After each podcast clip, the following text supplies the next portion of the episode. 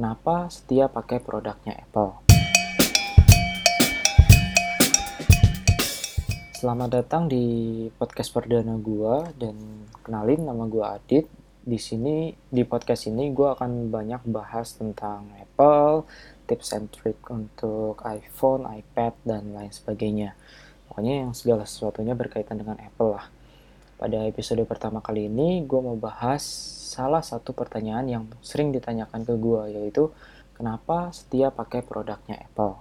Biasanya gue akan diam sebentar dan mikir, oh iya juga ya, kenapa gue pakai iPhone, kenapa gue pakai Mac dan produk lainnya. Dan setelah dipikir-pikir, ternyata jawabannya adalah karena Apple nggak cuma jualan produknya, udah gitu aja enggak. Mereka jual the whole ecosystem the whole experience of using their product gitu. Ketika lo pakai iPhone, lo nggak cuma udah pakai iPhone doang, tapi lo juga harus bikin Apple ID. Di mana dengan Apple ID tersebut lo bisa gunakan untuk berbagai hal seperti pakai iCloud yang punya layanan backup otomatis. Kemudian lo juga bisa pakai Apple ID untuk tahu di mana iPhone lo, di mana perangkat lo yang lain. Terus dengan Apple ID lu juga bisa subscribe ke Apple Music. Nggak perlu download aplikasi lain. That kind of integration yang bikin gue betah gitu pakai produknya Apple. Dan sebenarnya gue juga belum terlalu lama pakai barang-barang Apple.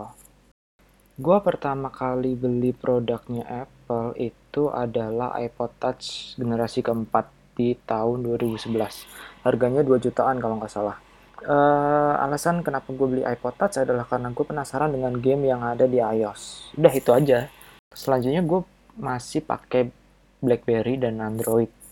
Baru di tahun 2013 gue baru beli iPhone dan itu adalah iPhone 4. Jadi kalau dibilang lo beli iPhone untuk pakai iPhone as a hardware itu tuh bisa dibilang kurang tepat sih karena Apple juga bikin iOS-nya sebagai sistem operasi. Terus nggak mungkin kan lo pakai iPhone tapi lo nggak punya Apple ID.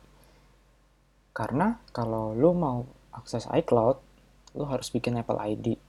Which is Apple ID ini juga bermanfaat dan bisa dipakai untuk perangkat Apple yang lain. Jadi kalau lo suatu saat beli iPad, lo tinggal login pakai Apple ID lo yang udah lo punya dari iPhone dan uh, semua konten yang pernah lo beli di iPhone, misal di App Store, akan juga muncul di iPad lo.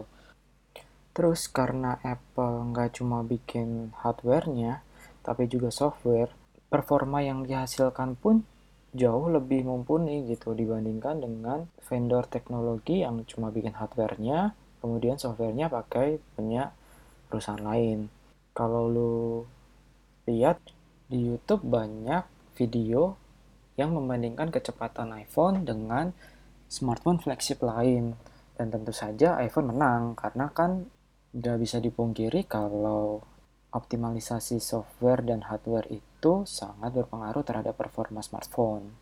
Dengan kontrol penuh atas hardware dan software yang dibuatnya sendiri, Apple tuh punya keuntungan lebih, yaitu mereka bisa lebih ketat mengontrol user experience. Jadi, kalau kamu udah pakai iPhone, dan selanjutnya kamu ganti iPhone lagi, user experience-nya akan sama. Kamu udah tahu icon mana, kamu udah tahu setting ini di mana, setting itu di mana. Contoh user experience yang konsisten lainnya adalah trackpad di laptop milik Apple.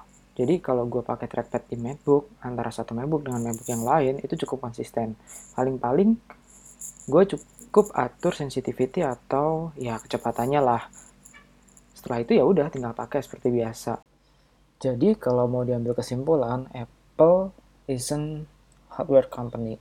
Apple juga bukan software company, Apple juga bukan service company. Tapi Apple adalah experience company di mana ketika lu pakai produknya, lu berharap mendapatkan pengalaman pengguna yang lebih baik dibandingkan merek-merek lain karena semua integrasi yang Apple bikin. Dan alasan itulah kenapa gue masih setia sampai sekarang pakai iPhone, pakai iPad, pakai MacBook, Apple Watch, dan produk-produk Apple yang lain.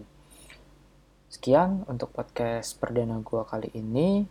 Saran, kritik, masukan, silahkan langsung mention gue di Twitter at Aditya Daniel atau lu boleh komen di blog gue. Oke, okay? see you on the next episode and bye.